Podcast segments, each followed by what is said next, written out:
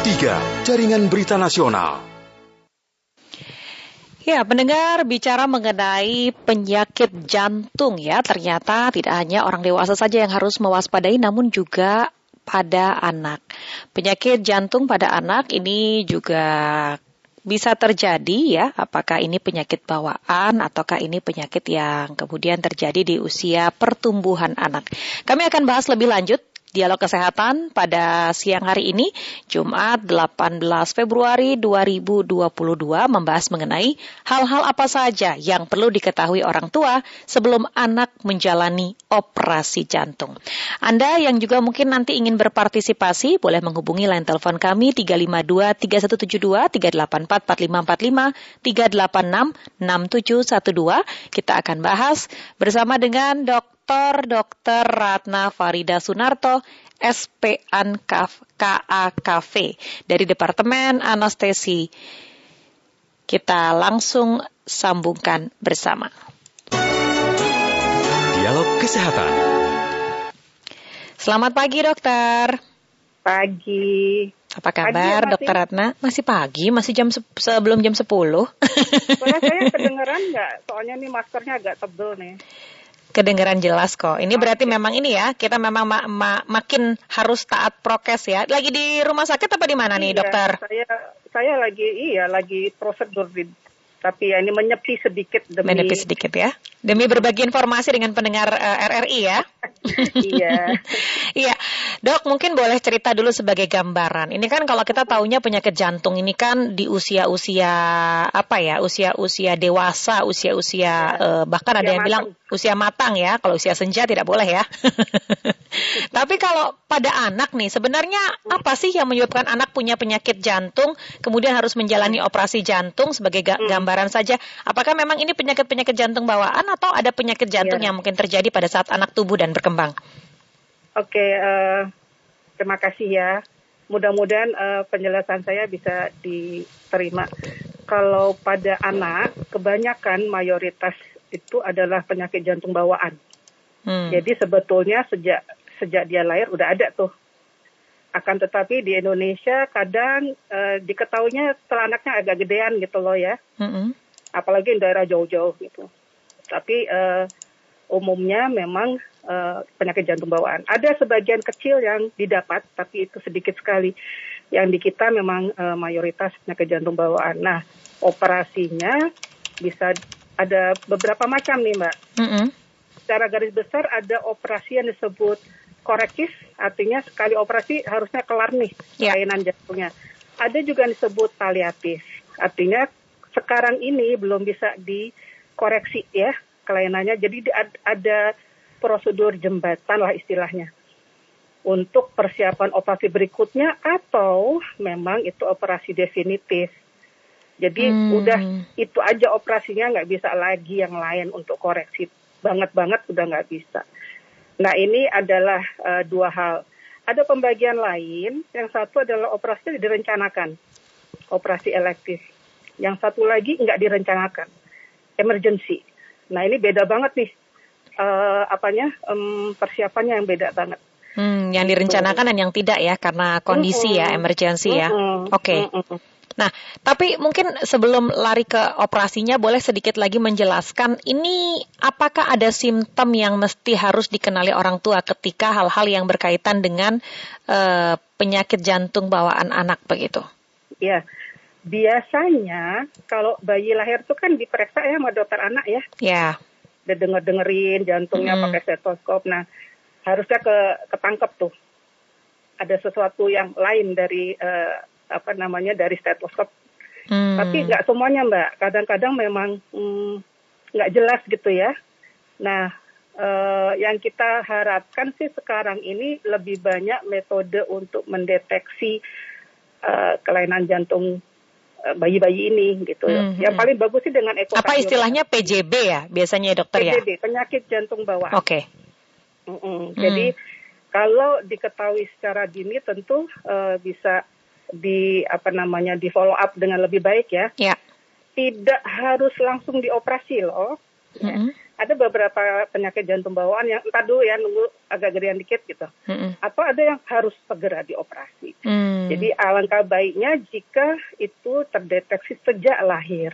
Hmm. Cuman karena negara kita ini kan luas banget dengan Ya. kondisi sospek yang nggak sama. Iya, letak Fasilitas geografisnya juga ya. Betul. Fasilitas kesehatan juga belum 100% rata ya. Hmm. Jadi eh, terkadang diagnosis itu lambat. Hmm. Nah sekarang saya mau kasih tahu aja kalau bapak ibu semua ini punya anak yang makin lama makin kelihatan biru itu udah harus curiga tuh ya.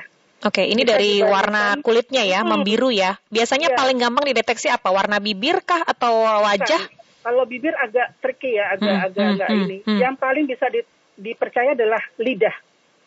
Oh. Lidah itu kan ada jaringan lidah warna merah ya Iya. harusnya kan. Sampai di bawahnya lidah juga warnanya harusnya merah seger kan. Mm-mm, mm-mm. Nah, itu kalau dia beda dengan orang lain, nah itu harus dicurigai sebagai suatu bentuk eh, PJB yang yang jenis yang biru, Mbak. Ada PJB Hmm, ada dua hmm. macam, ada yang biru, ada yang enggak nih. Nah, Hmm. Untuk yang biru harusnya mudah, lebih mudah dikenali karena beda ya warnanya. Kemudian juga bisa dilihat dari ujung-ujung jarinya. Oke. Kalau jarinya kayak drumstick, bulat, mm-mm, tebal, mm-mm. nah itu tuh. Hati-hati tuh. Oke, jadi melihat pada tadi ya jari kaki, kemudian Mm-mm. eh, ada bengkak-bengkak juga nggak sih dokter biasanya? Eh, bengkak itu biasanya tanda gagal jantung. Jadi tidak semua eh, PJB itu eh, dalam kondisi gagal jantung. Tapi kalau eh, dalam kondisi gagal jantung baru kelihatan tuh ada bengkak di tungkai biasanya ya, Mm-mm. paling banyak di tungkai. Nah itu. Baik. Nah yang agak susah memang kalau dia tidak biru.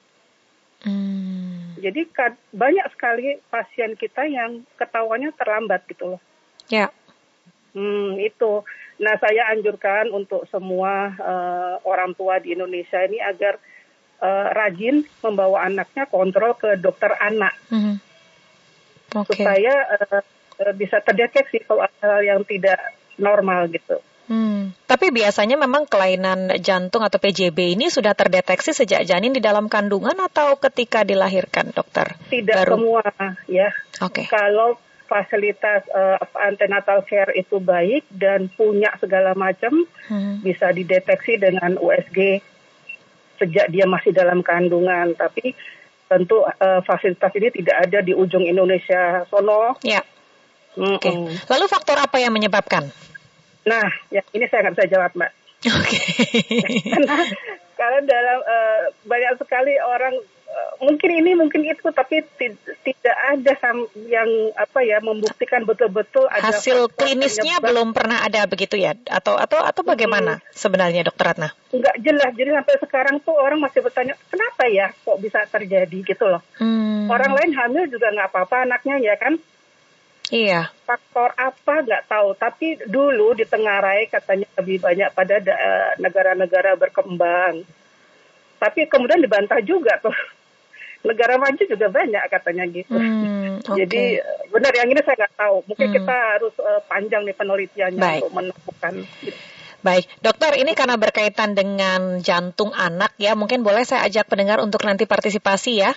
Saya Boleh. undang dulu, silahkan untuk Anda yang ingin bertanya langsung kepada Dokter Ratna di 021352 3172 384 4545 386 6712 ataupun juga melalui WhatsApp di 081 399 399 888. Bagaimana eh, anak-anak yang tadi mengalami PJB ya atau penyakit jantung bawaan dan juga kemudian harus dioperasi. Nah, kalau dari prosesnya itu biasanya kondisi emergensi seperti apa yang me- mengharuskan anak tersebut dioperasi, dokter? Hmm, ada beberapa hal ya. Mm. Yang paling sering yang kami alami di sini adalah operasi segera untuk menyelamatkan nyawa dan Mm-mm. menambah aliran darah ke paru. Hmm. Dan ini biasa di usia bayi ya, usia ba- baru lahir atau gimana? Enggak, enggak semua, enggak, enggak. Jadi enggak Hmm. semua. Eh, kebanyakan malah usia satu sampai balita lah ya. Oke. Karena itu tadi deteksinya memang eh, ya umur segitu mereka baru datang berobat. Baik. Jadi kalau aliran darah ke paru itu sangat minimal, Mm-mm. itu nggak cukup ya buat hidup.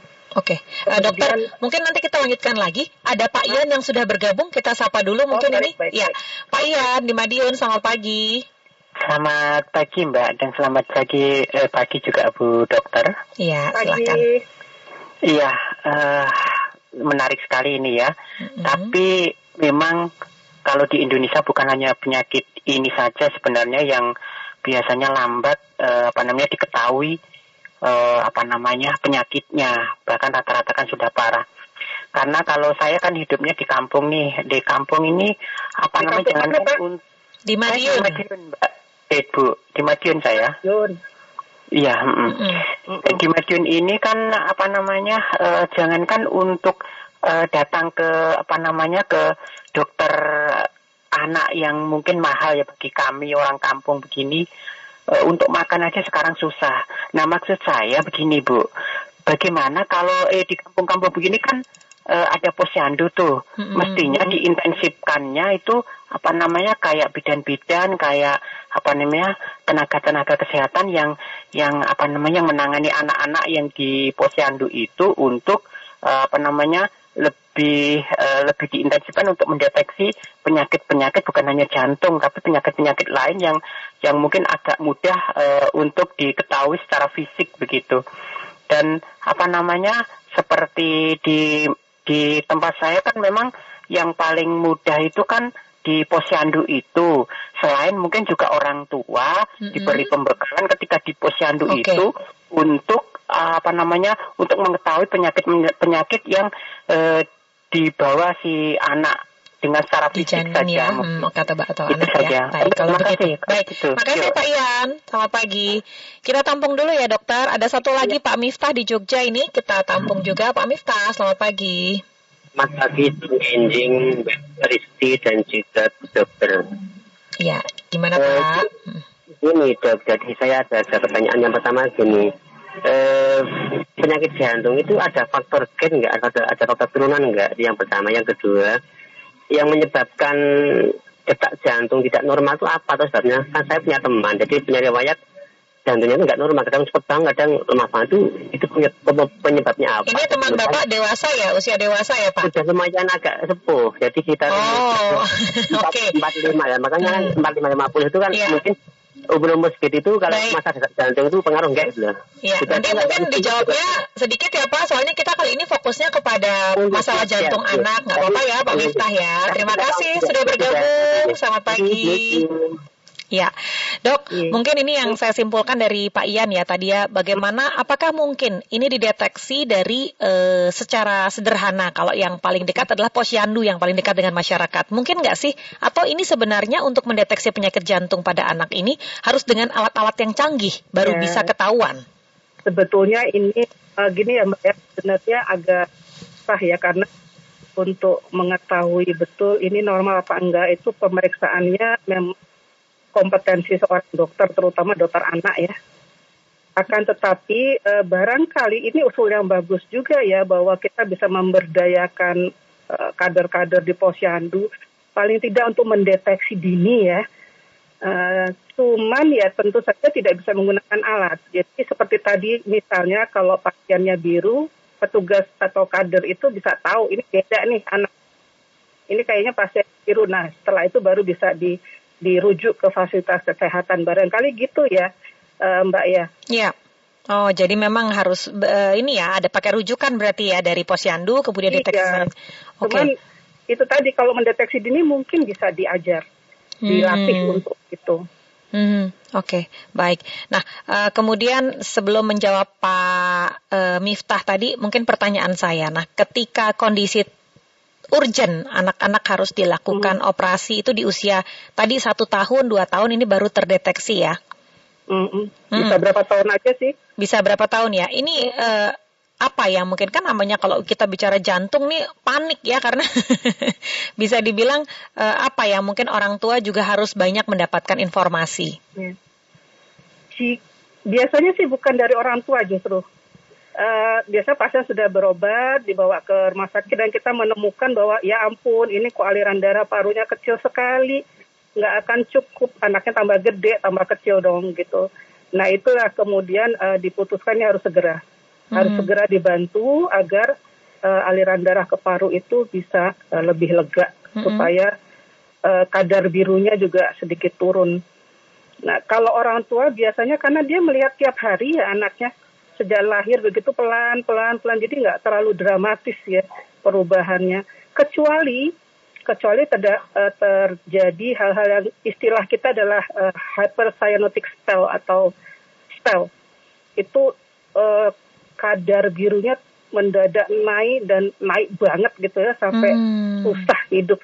Nah itu biasanya orang tua juga tahu. Itu sebab sering kali kita juga ada beberapa kali kejadian begitu dibawa lari ke rumah sakit dan kita lakukan operasi segera.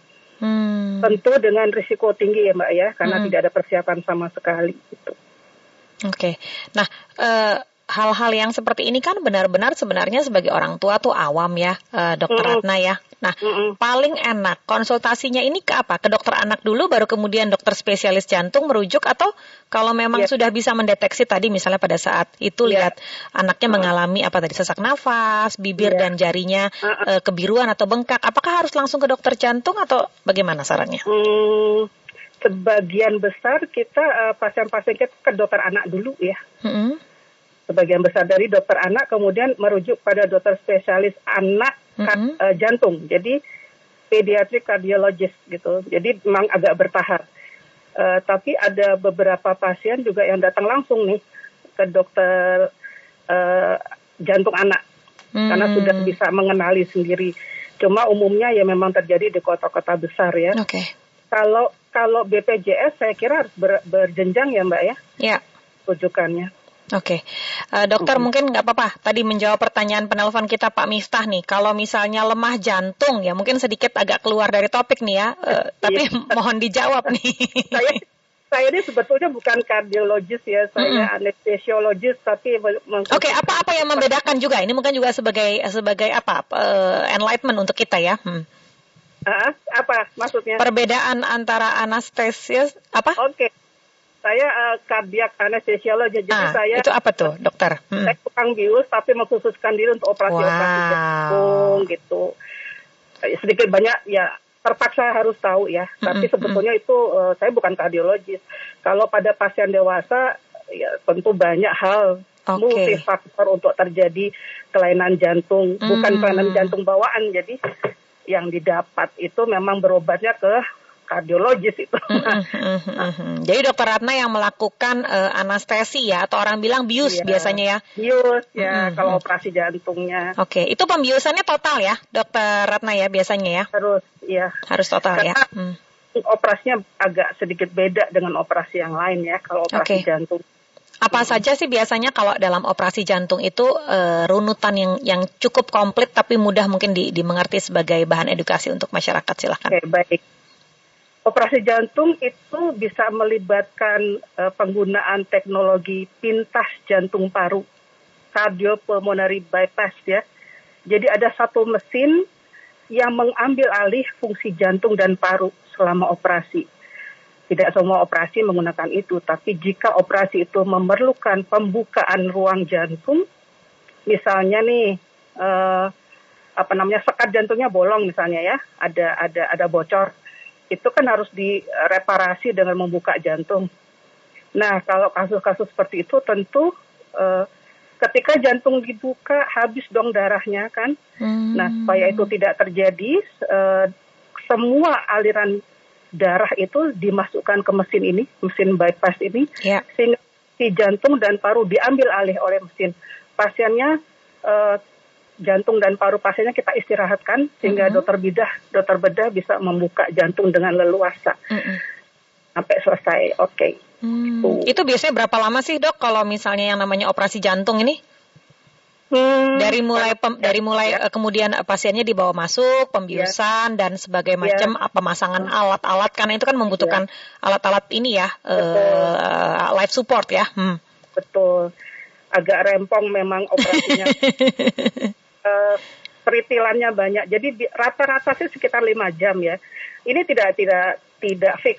Ada yang ternyata dua tiga jam selesai, tapi rata-rata lima jam. Yang jauh lebih lama dari itu juga ada kalau sangat kompleks operasinya. Tapi Oh, kita bisa katakanlah paling paling eh, rata-rata segitu Hmm. deh. Mm-mm. Hmm, oke.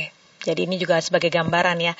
Ya. Baik, dokter meskipun ini agak apa, agak rempong, agak complicated nih penjelasannya, tapi terima kasih sudah memberikan pemahaman-pemahaman baru mengenai eh, bius jantung ya, dan juga kewaspadaan terhadap eh, deteksi Ya. dini mungkin masalah-masalah jantung Ya. anak ya, dokter Ratna. Sama satu lagi, Apa kalau tuh? memang anak memang harus menjalani operasi, Mm-mm. ya, itu harus ada eh, apa ya kerjasama juga dari orang tua Oke, untuk menghadapi operasi gitu loh. baik kalau Jadi, begitu. Eh, persiapan itu juga perlu Ya. persiapan tahu orang tua juga perlu gitu. Mm-mm. Baik, Dokter Ratna terima kasih banyak sudah berbagi informasi pagi hari ini. Sehat selalu, selamat bertugas, Amin. Dokter. Makasih.